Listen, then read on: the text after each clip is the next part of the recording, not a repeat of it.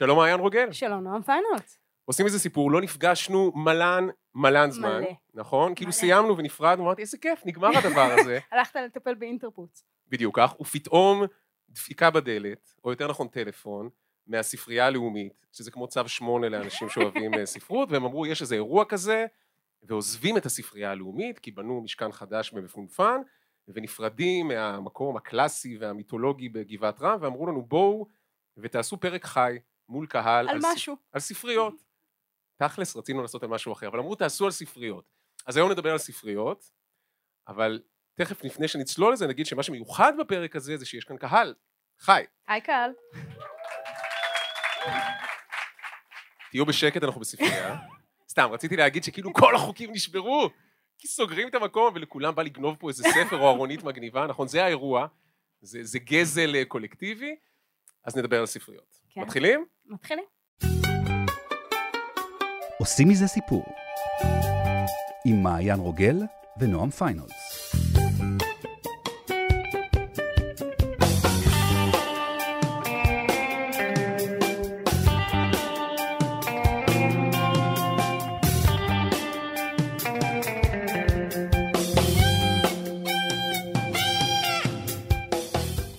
טוב, אז באנו לדבר על ספריות. כשאת חושבת ספרייה, עד כמה זה מדליק אותך? מה, מה זה עושה לך בראש? וואו. בוא, בוא, אני דווקא רוצה לדבר על הספרייה הלאומית, כי הספרייה הלאומית זה לא סתם ספרייה. לא וה- הייתי פה אף פעם.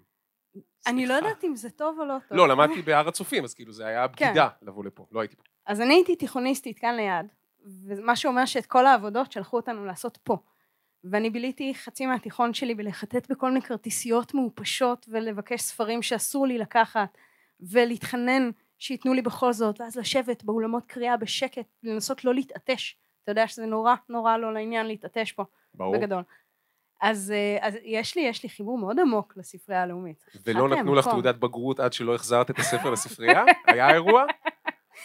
אנחנו לא נדבר על הבגרות שלי סבבה אוקיי. סבבה ובכל אתה? זאת יצאת סופרת. בכל זאת אז תראה, נדבר היום על, על המון יצירות מופת, על שם הוורד, ועל הארי פוטר, ועל חומות של תקווה, ועל זה של סטיבן קינג, ועל ים דברים, אבל את אמרת, בוא בוא נפתח עם הנסיכה סופיה, I was a girl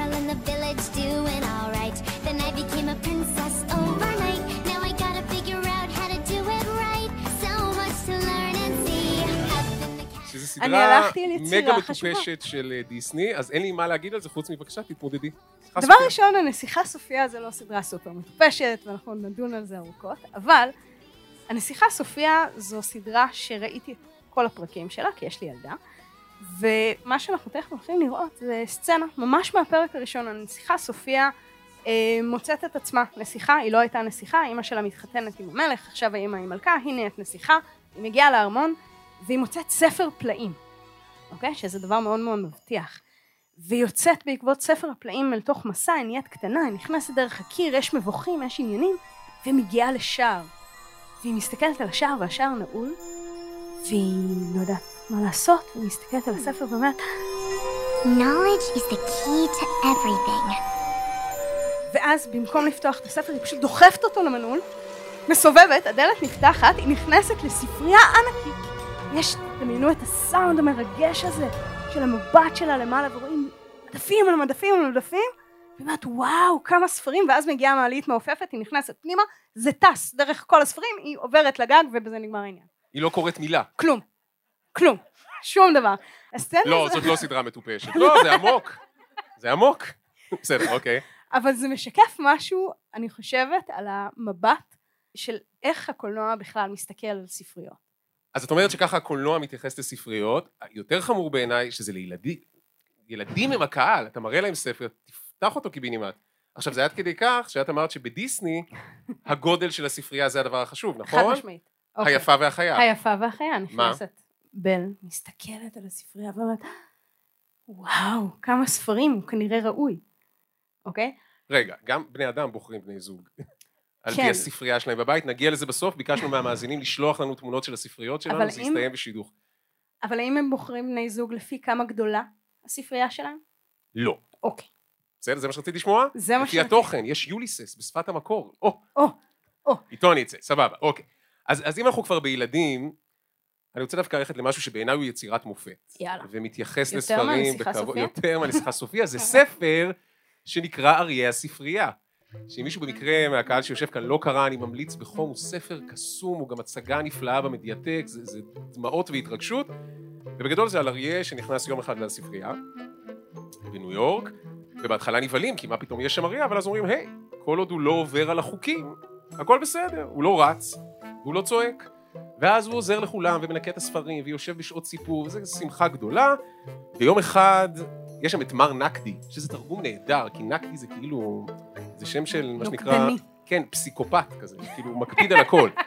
אז מר נקדי כל הזמן זועם שמה פתאום הביאו אריה לשם, ויש את אה, גברת דפני, שהיא המנהלת, ואז יום אחד גברת דפני מנסה להגיע לאיזה ספר גבוה, זה ספוילר לספר, זה ספר שנגמר ב-12 דקות, והיא נופלת. והאריה רואה, רואה אותה, והיא קוראת למר נקדי, מר נקדי, מר נקדי בו, והוא לא שומע, אז היא אומרת לאריה, תביא אותו. אז האריה בא אליו ומדבר, והוא לא מקשיב לו, כי הוא אפס. ואז האריה שואג שאגה מטורפת, מר נקדי, שהוא נודניק, אומר לו, לא שואגים בספרייה, ומעיף אותו החוצה, והאריה הולך. ואחר אחר כך מבינים שהוא רצה לעזור לחברה, ומחפשים אותו בכל העיר, ואז בסוף מחזירים, מתנצלים, הכל בסדר, והספר מסתיים במשפט המקסים, לפעמים יש סיבה טובה לא לשמור על הכללים, אפילו בספרייה. ובעיניי, זה הקטע עם ספריות, שמצד אחד זה מקום סופר נוקשה. יש פה חוקים, צריך להיות בשקט, מסתבר, כך לימדת אותי שאסור להתעטש, נכון? יש גם עניין. לא לאלרגנים. בספרייה הלאומית, לא בספרייה נכון, למרות הלאומית. שיש פה הרבה אבק. אסור, אם אתה מחזיר ספר למקום הלא נכון, אנשים מאבדים את שפיותם, הכל נורא שלך יהיו מוקפד. נקיות, שלא לא- לא תפגע חלילה בשום צורה. כן, כן, הכל. נורא נורא כזה. סופר. מצד. שני, זה מקום של חופש, וזה מקום של ידע אינסופי, וזה מקום שאפשר לצלול להמון עולמות, ובעיניי המקום שבו הקולנוע משחק יפה עם ספריות זה בדיוק בשבירת החוקים. ואיפה מותר לשבור ואיפה קצת אסור. אז זה החל מסרטים מטופשים כמו ג'ון וויק, שבהם ספרים הופכים פשוט לכלי נשק, אף אחד לא פותח, כי כשאתה פותח יש בפנים אקדח, ואז שוברים לסטות, אבל דרך סרטים רציניים יותר, כמו אינדיאנה ג'ונס. שהוא מאוד רציני. נכון. ובאינדיאנה ג'ונס ומסע הצלב האחרון יש קטע מהמם בספרייה. זה אחת מסצנות הספרייה הטובות בקולנוע, אינדי יחד עם אבא שלו שון קונרי מחפשים את הגביע הקדוש ויש איזה סט של רמזים שמוביל אותם לספרייה עתיקה ואז הם מנסים להבין איפה מסתתר הרמז. עכשיו היינו מניחים שאם יש שם אלף ספרים וזה קצת מתאים לתזה שלך שזה לא התוכן של הספר, fair enough. היינו מצפים שזה יהיה באחד הספרים, אבל לא. יש רגע שאינדי עולה למעלה במדרגות ופתאום רואה איקס על הרצפה. ואז הוא אומר, אה, איקס מסמן את המקום, אחלה. אבל אז הוא צריך לנפץ ולנתץ את הרצפה. כי זה עכשיו אי אפשר לעשות את זה, בספרייה. כי זה ספרייה. ואז באמת בבימוי מבריק של ספילברג, הוא שם לב שהספרן, יש לו איזה חותמת כזו שעושה המון רעש. והוא מחתים ספרים בקצב קבוע מונוטוני כזה. אז כל פעם שהוא דופק עם החותמת, הוא דופק על הרצפה.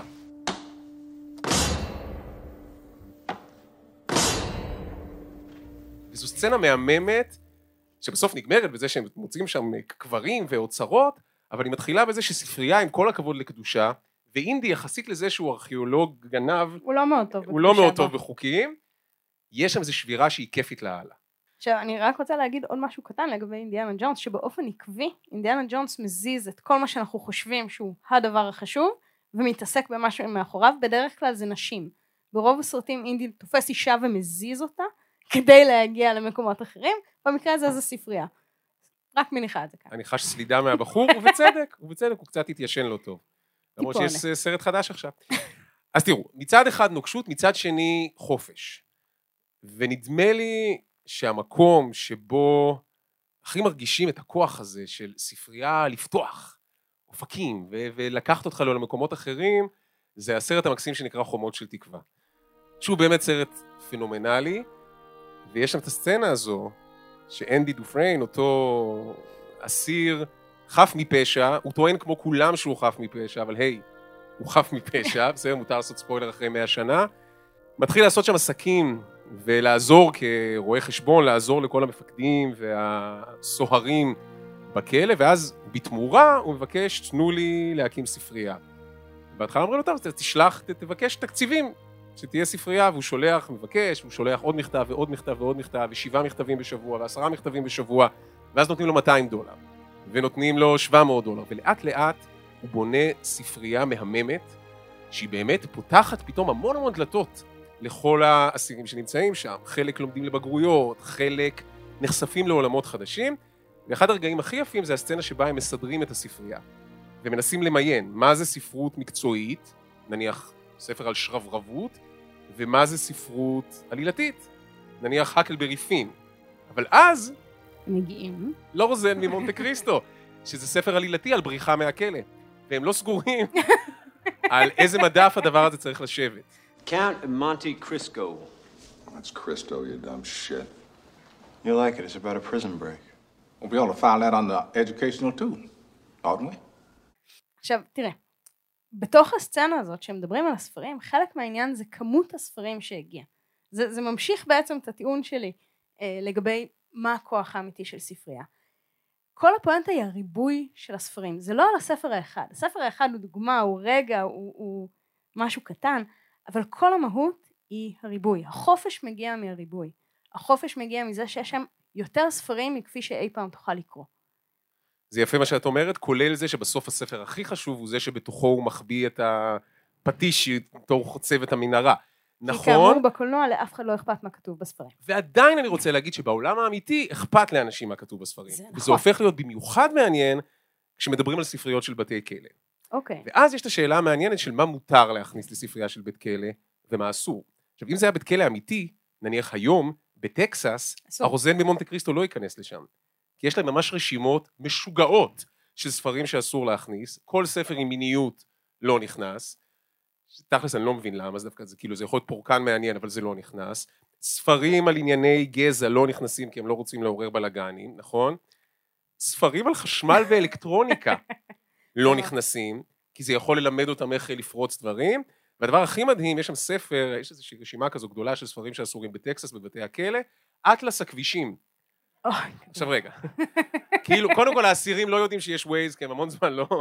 אז, אז הם לא יודעים שיש אופציה אחרת, אבל אומרים, הטיעון כל כך מטומטם, אם אסיר יבין, היי, מחוץ לבית הכלא יש כביש, אז אני, אני יכול לצאת, ואני. יכול לפנות ולהתרחק, וזה קצת משוגע. אז זה כאילו מטומטם, אבל זה לא מטומטם, כי זה בדיוק מה שספרייה עושה. הקטע של ספרים והקטע של הריבוי זה לבוא ולהגיד לך, אתה חושב שהעולם שלך הוא כזה, אבל בעצם שם בחוץ יש כביש. אז לא, אז בעיניי זה לא הריבוי, סליחה, בעיניי זה ממש זה שיש אטלס, והדוגמה הכי טובה היא איך תוכן יכול לייצר חופש. עכשיו פה רגע משהו אישי שכאילו לא קשור, אבל כן קשור, אפרופו בתי כלא. אני זכיתי להיות חלק מאיזשהו פרויקט מדהים, שנקרא רדיו פוקוס. בגדול רדיו פוקוס, תחנה של אסירים בכלא איילון, שמשדרים רדיו לאסירים בכל הארץ. הם שומעים את זה בערוצי הטלוויזיה בתאים שלהם. זאת אומרת, אף אחד מאיתנו לא יכול לשמוע את זה, אבל כל האסירים שומעים נתוני האזנה נפלאים. אני זכיתי להיות זה שמלמד אותם לעשות רדיו, אוקיי? לעשות את כל הקורסים. וזה באמת חוויה מדהימה, ועשו שם כל מיני תוכניות. אז חלק תוכניות צפויות, על ספורט, ועל מוזיקה, ועל התמכרויות, ועל אלימות, ועל התנהלות כלכלית, פיננסית מעבר לכלא, ואיך להקפיא חובות, וכל מיני דברים כאלה. אבל אחת התוכניות הכי מרגשות שהיו שם, זה היה אסיר מאוד מבוגר, בלי שמות, הוא כבר יצא מהכלא לשמחתנו, שנכנס לכלא גם בגיל גיל מבוגר, אז הוא ראה הרבה עולם, והוא החליט שהוא עושה תוכנית שבועית של מסעות מסביב לעולם. שעל פניו זה הזוי, קודם כל יש כאן פוטנציאל לעצבן את המאזינים. זאת אומרת, מה אתה מדבר איתי על העולם כשאני צריך לבחור בנעים לאכול בחדר אוכל או לעשות טונה עם פלנלית מעושנת? כאילו זה היומיום שלי, מה אתה מדבר איתי על קורסונים בפריז? אבל הוא לגמרי הלך על קורסונים בפריז, והוא לקח את כל הזיכרונות שלו, וכל תוכנית הוקדשה למקום ולמוזיקה של המקום, והוא עם מילים טייל בסמטאות פריז, וברצלונה, ורומא, ונזכר בחוויות שלו מצעירותו, והוא נכנס קצת לוויקיפדיה לראות מה... ח- ממש המלצת תיירות לאנשים שבחיים לא ייסעו לשם, אבל כן. לשעה בשבוע הם נסעו לשם. ובמובן הזה זה לא רק הריבוי. זה זאת לא אומרת, זה, זה במובהק גם התוכן של הספרים, וכשמדברים על ספרים אסורים, זה בוודאי ובוודאי התוכן, כי עזבי בתי כלא, אנחנו יודעים שבשנים בבתי האחרונות... ספר. ש- יש רשימות שאלה משוגעות. להבדל, כן. אז רגע, בוא נסביר, יש רשימות בארצות הברית, שוב, מיזורי, טקסס, כל המדינות הכיפיות, של פלורידה. ספרים, שאסור, בערך 1,500 ספרים שרוצים להוציא מספריות ציבוריות ומבתי הספר, מה יש שם? כולל? הארי פוטר למשל, כי זה מלמד ילדים שיכול להיות כוחות על-טבעיים. אוקיי, מה עוד? לא, עד כאן השתכנעתי. אני לא... כל דבר שיש בו כמובן אה, אזכור ללהט"בים, כל דבר שיש בו אזכור לגזע, כל דבר שיש בו אזכור לאלימות, למיניות. בעצם, אותו קפטן דבר כמו תחתונים, קפטן תחתונים, נו. שזה יצירת מופת, אבל מקללים שם. ואוקיי, התפסן בשדה השיפון, וסיפורה של שפחה. כמובן זה מאוד מסוכן, סיפור. יפה. של עכשיו, שפחה. סיפורה של שפחה זה עד כדי כך מעניין, כי בגלל שזה ספר אסור, והתחיל דיבור של להחרים את הספר, וחששות שכל מיני אנשים ישרפו את הספר, אז ההוצאה של אטווד, של מרגרט אטווד, אמרה, בוא נייצר עותק של הספר, שלא נשרף שהוא, לעולם. בדיוק, שהוא בלתי שריף, the unbearable book, אוקיי? burnable book, והם פשוט נייר מיוחד ועטיפה מיוחדת, ויש קליפ. מהמם ביוטיוב, של היא עומדת עם להביור משוגע, ומנסה להצית את הספר והוא לא נשרף, ובמובן הזה, אפרופו ספרים נשרפים וספרים אסורים, בואי נדבר, רגע, אני לא רוצה עוד לדבר על הפרנהייט. לא, על שם לא? הוורד. רגע, לפני שאת עוברת, אני אוקיי. רציתי להגיד משהו לגבי ה- האסיר הזה שדיברת עליו. אוקיי. שהוא דיבר על מסעות בעולם, וזה ישר אה, הזכיר לי את מטילדה. אוקיי. שכל הסיפור של מטילדה בעצם הוא, הוא באותו אזור. זאת אומרת, זו ילדה שכלואה בתוך החיים שלה, בתוך חיים מאוד מאוד אפורים שלה. והספרים, והדרך שהיא מדברת החוצה את הספרים, זה בעצם אותו חופש שיש אצלו. זה בדיוק בדיוק הדבר הזה של האפשרות להרחיב ולא להישאר בתוך, בתוך הצמצום. זה, כשאנחנו מדברים באמת על, על החופש, זו ההבטחה. ההבטחה של הריבוי סיפורים, ואני חושבת שאולי כדאי רגע לסמן פה את שני הצדדים האלה של ספרייה. שמצד אחד יש לנו ספריות שהן, שהכל שם זה הסיפורים, זה איזה סיפור אתה מספר בתוכן. זה אה, ה fiction, זה מדור המבוגרים ומדור הילדים, זה כל הדבר הזה של, ה, של הקסם של הסיפורים, ומצד שני יש ספריות שהן אה, ממוקדות בידע, באוצר הזה של כל הדברים שאנחנו לא יכולים לדעת, זה הספריות המיתולוגיות, כשאנחנו אה, אה, חושבים על הספרייה הגדולה באלכסנדריה, זה הדבר הזה של המקום שיש בו את כל הידע, ששם גם נמצאת הסכנה. Okay, זה קצת כמו הספרייה של הארי פוטר, שיש את האזור של הספרים האסורים והמסוכנים. שהם נושכים, נכון? הם נושכים, הם צועקים, הם עושים דברים, עדיף לא לגעת בהם. זאת אומרת, ה- עד כמה שעד עכשיו התפייטנו ונורא נהנינו מהחופש של הספרייה, יש גם פחד בתוך הדבר הזה. בוודאי, וזה, עזבי הארי פוטר וספרים נושכים. ושם הוורד זה פחד אמיתי מטקסטים שיכולים לעצב ולשנות תודעה דתית מאוד מאוד סגורה. שם הוורד נזכיר, אומברטו אקו, וסרט נהדר עם שון קונרי וכריסטיאן סלייטר, שלשניהם עשו קרחת מוזרה כזו של נזירים, אז שניהם לא נראים שם טוב. ובגדול, יש איזשהו מנזר, במאה ה-14 לפי דעתי, שמתחילות להיות שם כל מיני רציחות משונות, ספק התאבדויות, יותר רציחות, ושון קונרי, שהוא מעין נזיר בלש, ולכן קוראים לו ויליאם from בסקרוויל, כמעין מחווה לכלבם כן. של בני בסקרוויל של שרלוק הולמס, הוא מגיע לשם לבדוק מה הסיפור. עכשיו, כל האינקוויזיציה וכל אה, אנשי הדת הגדולים אומרים, לא, האנשים אה, מתאבדים כי יש שם הידרדרות אה, דתית, אבל הוא מבין שהכל קשור לאיזשהו ספר. הוא מגלה שלכל אלה שמתו יש כתם דיו כזה, או לא ברור מה זה, על האצבע וכתם על הלשון. הוא מבין שזה מעין דפדוף כזה, אני מלקק את האצבע, תופס את קצה הדף, עכשיו, אם הספר רעיל, את זה אנחנו מגלים בסוף, אז אנשים מתים בשלל דרכים. והספר הזה הוא ספר אמיתי, שאנחנו לא יודעים איפה הוא. מדברים על אה, אריסטו, על, על הפואטיקה, הספר שלו שמדבר על הקומדיה, שכנראה נכתב כזה, אבל אנחנו לא מכירים אותו היום, זאת אומרת, אנחנו בעיקר מכירים את אריסטו על טרגדיה. והוא כנראה כתב משהו על קומדיה, כנראה זה היה מוצלח, זאת אומרת, סטטיסטית זה היה בסדר. כן. וזה עבד לפי שם הוורד, זה אני לא יודע אם זה מונפץ או לא, יש שלושה עותקים ושניים נעלמו, אז זה העותק האחרון, ומי שמנהל שם את המנזר, הוא ממש מפחד מה מהכניסה יקרה? של ההומור. מה יקרה אם נזירים ייחשפו לדבר הזה של קומדיה ושמותר לצחוק? יש שם ממש דיון נורא מעניין, האם ישו צחק. שזה דיון שממש יש עליו אה, מריבות קשות ו- ו- ו- והמון אמוציות בתוך הדבר הזה, ובתוך שם הוורד יש ממש חיפוש זה לא אחרי סתם הספר הזה, חיפוש. וזה חיפוש בתוך מבוך, בדיוק. בדיוק. ה- הספרייה בשם הוורד היא ממש ממש מבוך, הם מטיילים בה והם פורמים את הגלימות שלהם כדי לא ללכת לאיבוד, ושם יש באמת איזה רגע של הקסם הזה של ללכת לאיבוד נכון. בספרייה. זו בעצם המטאפורה. זה, זה המבוך של הידע, זה הדבר הזה שאני חושבת שהוא הוא כל כך ייחודי לספריות, במיוחד ספריות כאלה עשירות וגדולות, שאתה לא יודע מה תמצא. זאת אומרת, אתה יכול לרצות להגיע לספר מסוים, אבל הדרך אל הספר הזה עוברת דרך כל מיני מדפים, ודרך הספר שנמצא בדיוק לידו, והמדפים האחרים, ו- וזה זה העניין של המבוך של הידע, של איך אנחנו הולכים ומחפשים. זאת אומרת, המטאפורה שם יושבת מאוד מאוד חזק, אבל גם הופכת לדיסאוריינטציה, לזה שאתה יכול ללכת לאיבוד. הלכת פעם לאיבוד בספרייה? ואני לא רוצה לא, להרחיב על אני זה. כאילו רוצה לשמוע את הסיפור, זה לא, כן, יופי. הלכתי לאיבוד אה, בספרייה תיאורטית, זאת אומרת, לא, לא ברמה הפיזית. בלי תיאורטית. הלכת לאיבוד בספרייה? לא, לא הלכתי לאיבוד, לא הייתי בספרייה מספיק גדולה כדי ללכת לאיבוד. אוקיי, אתה. כן? לא, חשבתי, אוקיי. אולי את, לא, אין פה, זה לא, זה לא הכנה למשהו חכם. לא, אני רק אגיד שבעיניי, רוב הספריות שאני ביליתי בהן, זה, מבאס, זה ספריות אקדמיות. בסדר? בתואר הראשון והשני והדוקטורט, וגם ללמד סטודנטים איך לחפש דברים בספרייה. ואפרופו ללכת לאיבוד, תמיד ההמלצה שלי לסטודנטים שלי, זה בסדר, יש את הספר שמצאתם במחשב, במאגר, שנמצא במדף 42 וזה. אבל אל תלכו אליו, תלכו לזה שלידו. כי יש את הדבר שאתה יודע שאתה מחפש, וזה בדרך כלל החשוד המיידי, ואתה תמצא אותו וסבבה, אבל אז תשים את הראש הצידה, ותתחיל לטייל על המדף. כי לפעמים יש היגיון בתוך הבלגן, יש שם כנראה עוד ספרים על הנושא, ואם הם לא על הנושא הזה, הם איכשהו קשורים מהצד לנושא, ואני יודע שנניח בדוקטורט שלי, שאגב באופן מפתיע מסתבר שהעותק שלו נמצא בספרייה הלאומית, שזה ריגש אותי בטירוף, כי אף אחד לא קרא את זה אף פעם. אבל זה נמצא. פה, בסדר. ומה זה אומר שקראת חצי? זה בא ולהחמיא. כן. יופי. אני קראתי פסקה מכל ספר. שלך, מעיין, מה? זה זו לא- אהבת אמת. זה לא בא בטוב.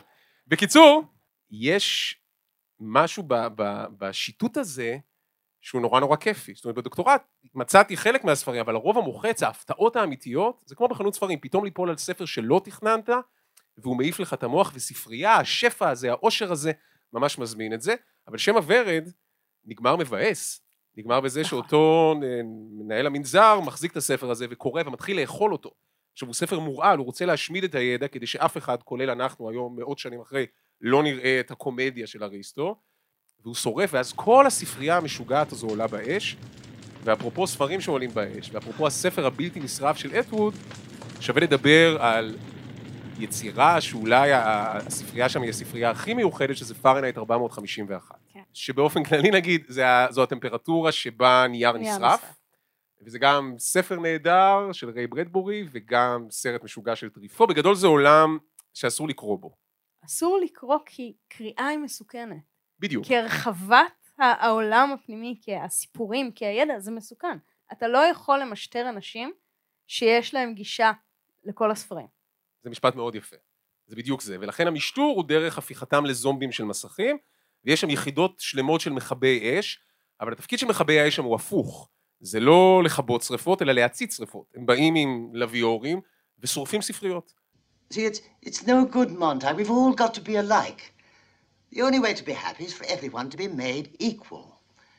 So, we must burn the books, Montag.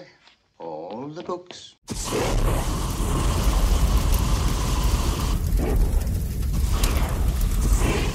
נכנסים לתוך בתים של אנשים, שיש שמועות והם מלשינים עליהם שיש להם ספרייה נסתרת מתחת למשהו, ושורפים את כל הספרים, והגיבור הוא כבאי כזה, כאילו מציתן שכזה, פירומן, אבל הוא בכל פעם שהוא מגיע לספרייה יש לו את ההיקסמות הזו.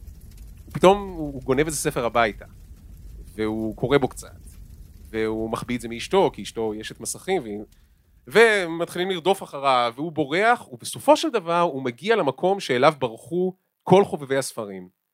והיינו מצפים למצוא שם המון המון ספרים, הם בטח הסליקו והכניסו בתרמיל, אבל אין שם אף ספר, אין שם אף דף, כי כל הספרים נשרפו, אבל יש שם ספרייה. כי כל אחד מהם בעצם משנן וזוכר ושומר בתוכו ספר אחד.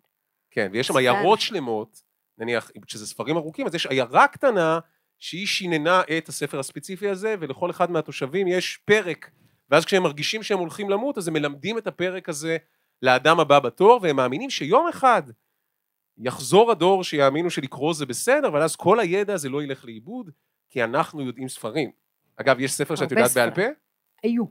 מה? היו תירס קצרים. חם, נכון? תירס חם? האמת ש... האריה ש- שאהב תות? העורב של אדגר אלן פה. ברצינות? חלקים.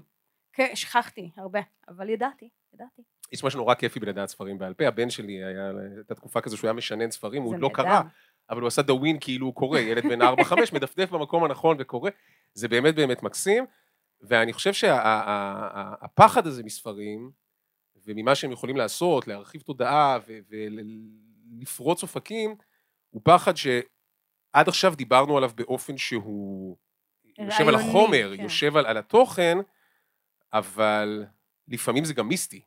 כן. וזה, וזה משוגע וזה אחר. עכשיו יש פה קהל, אז זה הזמן להביך אותך. אנחנו הולכים לדבר על ספר שמעיין ממש מפחדת ממנו. כן, יש אנחנו מדברים על, על זה של סטיבן קינג, נכון? זה של סטיבן קינג, סיפור, אה, סיפור מאוד מורכב, אני חושבת שאחת היצירות הכי גדולות שלו. אה, עיירה קטנה במיין בשם דרי, שילדים אה, מתים שם, הרבה מהם, יותר מדי מהם.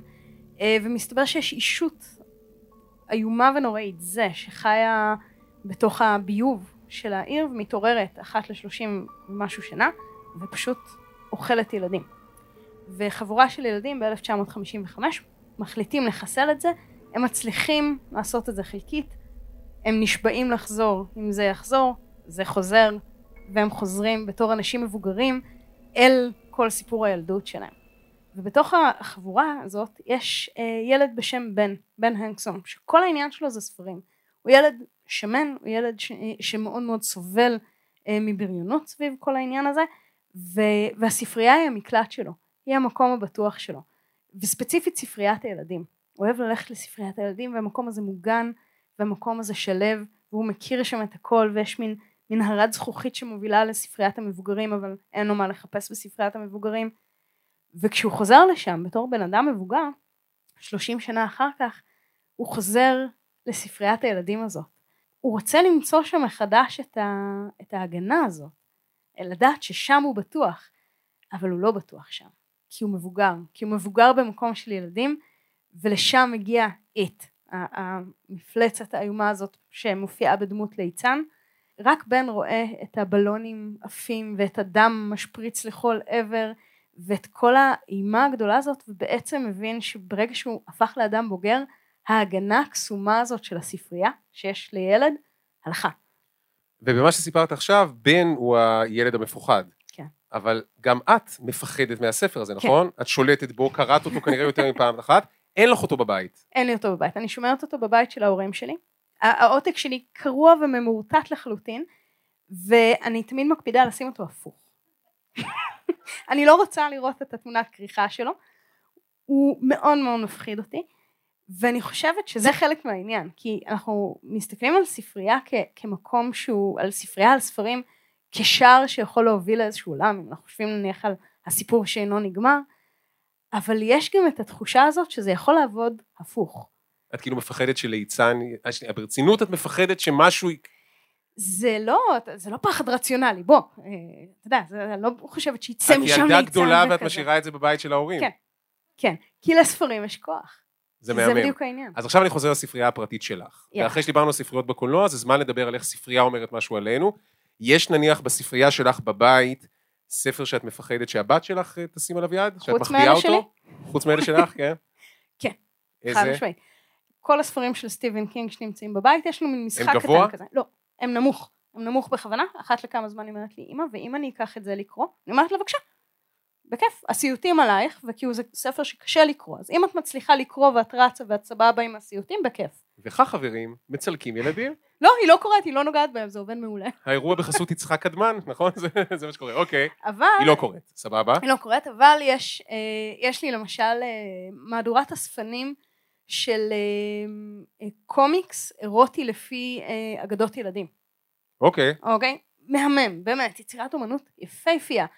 והדבר הזה מוסלק מאחורי אה, ספרי שירה ופילוסופיה. כאילו, בזה הילדה לא תיגע לפחות בשנים הקרובות.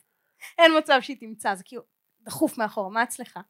אצלי זה, בספרים זה פחות, זה יותר בספריית ה-DVD, ככל שעולים בגובה יש על העטיפה יותר גופות.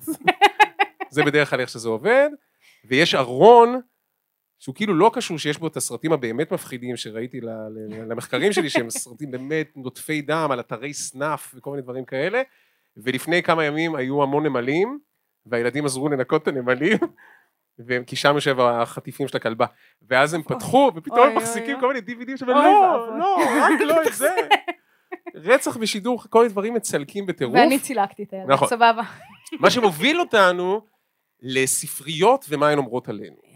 עכשיו רגע לפני שנראה באמת תמונות של ספריות של אנשים ששלחו לנו, אני רוצה ללכת לסרט שמסביר על הדמויות שלו דרך הספריות שלהם. וזה הערת שוליים, סרט המופת נהדר, של יוסף נהדר, סידר, נהדר. שכל פרט שם מוקפד. בגדול שני פרופסורים, פרופסור שקולניק ופרופסור שקולניק, האבא והבן, ויש שם איזה בלבול על מי אמור לקבל את פרס ישראל, לא חשוב, סרט מקסים. אבל הם אנשים מאוד מאוד שונים, ויש מתח ביניהם, ויש קנאה, והבן הוא סופר פופולרי, וכולם אוהבים אותו, והוא מחובק, והאבא הוא כזה נקדי, הוא, הוא באמת פילולוג שחוקר את התלמוד, וכל הגאווה שלו זה מזה שאי שם איזה חוקר גדול הזכיר אותו בהערת שוליים, וכשמסתכלים על הספריות שלהם אפשר ללמוד המון עליהם. הספרייה של ליאור אשכנזי, שזה הבן, היא בלאגן אחד גדול. אין שום סדר, גם הנגרות מבולגנת שם, זאת אומרת, זה רהיטי איקאה כאלה, בילי, נדמה לי שקוראים לזה, אבל הכל שם מסובך, וגם ספרים על גבי ספרים, וזה מסתיר את החלון, ואי אפשר למצוא שום דבר. הספרייה של האבא היא הרבה יותר מסודרת. לפי גובה. ויש שם גובה, אגב, יש רעיון מעניין, שווה לחפש אותו, עם מעצב התפאורה, מעצב הסטים, הוא אמר שהיו שם בערך עשרת אלפים ספרים, וואו. שנבחרו בקפידה, בהחלטה על. מה יהיה איפה ומה יסודר איפה, זה באמת מהמם, והוא יושב בתוך משהו גבוה כזה, כמו מצודה כזו, ש- שמקיפה אותו, וכל דבר מנוילן, הוא מחפש איזה גזיר עיתון על הבן שלו, אז יש תיקייה עם השם של הבן שלו, שהוא מוריד את הגומייה, ובתוך זה יש עוד תיקייה, ואז כל דבר בשמרדף נפרד, כאילו זו רמת ההקפדה. אבל הדבר הכי מעניין שם, זה ששניהם כשהם רוצים להחביא משהו ולא לראות אותו, הם זורקים אותו הכי גבוה בספרייה.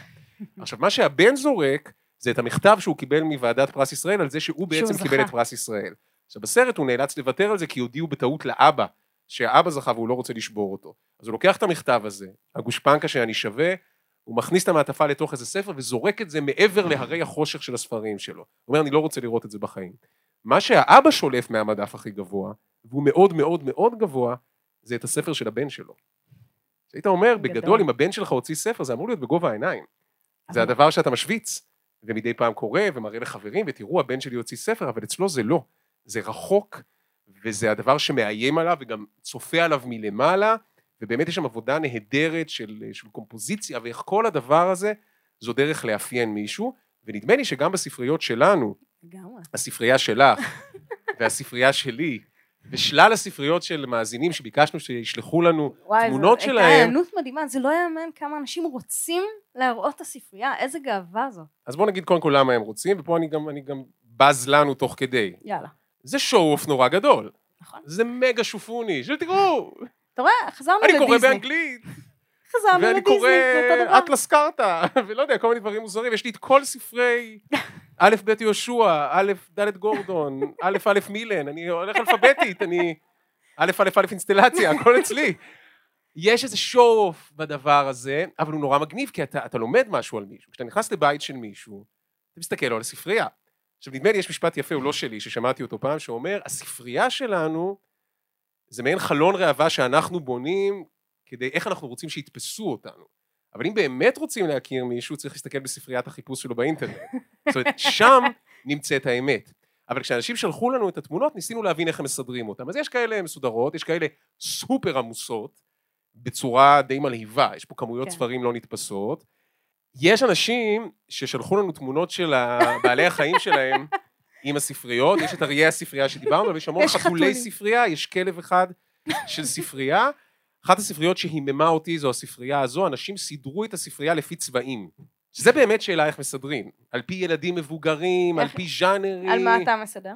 יש מדפים תמטיים, ילדים, ספרי דיסטופיה, מה שנכנס בחור שנשאר. זה כזה, אבל פה יש ממש ספרייה שהיא של אנשים שיש להם מה שנקרא CDO, כאילו OCD שמסודר אלפביתית, נכון? אז, אז זה כזה, זה משוגע לגמרי, ויש מישהו שלח לנו, מישהי, את הספרייה שלה בשירותים. יש לה ממש שני מדפים, זה לא איזה ספר שיושב בצד ליד אסלה, שני מדפים בשירותי האורחים עם ספרים. ופה אני שואל אותך, מעיין. כן. אנחנו בדיוק עכשיו משפצים בית. מה את אומרת כן. על הקונספט של לשים ספרים, ממש מדפים עם ספרים בשירותי האורחים? אני לא הייתי שמה ספרים. נכון שלא? באמת. רגע, את קוראת בשירותים. סליחה שאנחנו מכניסים את כל הדבר הזה. את קוראת בשירותים. יש אייפון. יש לי ספרים דיגיטליים. מה שמוביל לזה שחלק אמרו, מה, אתם צוחקים עלינו, אין לנו ספרייה, הכל זה הקינדל שלנו, בסדר. בדיוק. לא, אני קורא המון בשירותים, אני פשוט המחשבה שיבוא אורח ויגע בספר שלי. אחרי שהוא עשה את מה שהוא עשה, בדיוק. זה מקומם אותי. זה מקומם אותי, ולכן לא, אבל נדמה לי שבאמת, כשחושבים על ספריות, אז היום זה קצת דבר שהולך ונעלם. אנחנו כאמור משפצים בית ועוברים דירה, וברור לי שאנחנו נצטרך להיפטר מחלק מהספרים, לא. כי בבית החדש בנינו אותו ככה שאין אין מקום, ל, גם מהדיווידים, שזה אני כאילו יואו, איזה מתפרק מבפנים. וגם מחלק מהספרים. זה לא גורם לך לתהות כאן מה יקרה עם כל הספרים? כל הספרים הולכים לעבור דירה, שחלק לא? אני מקווה, כי בנו נראה לי משהו גדול יותר. אני לא יודעת. לא יודע. שאלה. יכול להיות. יש פה אוצרות מדהימים, כאילו אפשר להזמין את מאזיננו, בואו לספרייה הלאומית, אבל היי, נדפקתם, סוגרים היום, אז תבואו לחדשה, אבל יש פה, יש פה אוצרות מדהימים, וזו שאלה באמת. לאן אה, עפים הספרים כשהאגם קפוא? מה, מה קורה שם באמת? טוב, אז חפרנו קצת על ספריות, ועל ספרים אסורים, ועל אה, ספריות כמקום שהוא מצד אחד שווה בגלל הגודל שלו, אבל מצד שני... מסוכן בגלל מה שהוא עלול מסוכן להכיל. בגלל התוכן שלו, והוא מקום לחופש ולהרחבת אופקים, אבל לכן גם לנוקשות ולמה אסור ומה מותר, ואני מאוד מקווה שפודקאסטים נשארים הרבה זמן, שאם מישהו יקשיב לנו עוד נניח 20 שנה, כשנגיד הארי פוטר הם יבינו מה זה, ושזה לא נאסר נניח מספריות ילדים בארץ או מספריות ציבוריות, יש לנו. נטייה לאמץ כל מיני שטויות שקורות באמריקה, אז אני מאוד מקווה. זו הזדמנות להגיד, אחד, תודה לספרייה הלאומית שהזמינו. אותנו להיות חלק מהיום הבאמת מרגש הזה, יש איזה קטע. שתיים, לקהל שהגיע. שזה מה זה משמח. שלוש, אולי גם ארבע, לדן ברומר, שייקח את כל מה שאמרנו פה ויערוך את זה בדרכו שלו ויהפוך את זה לפרק.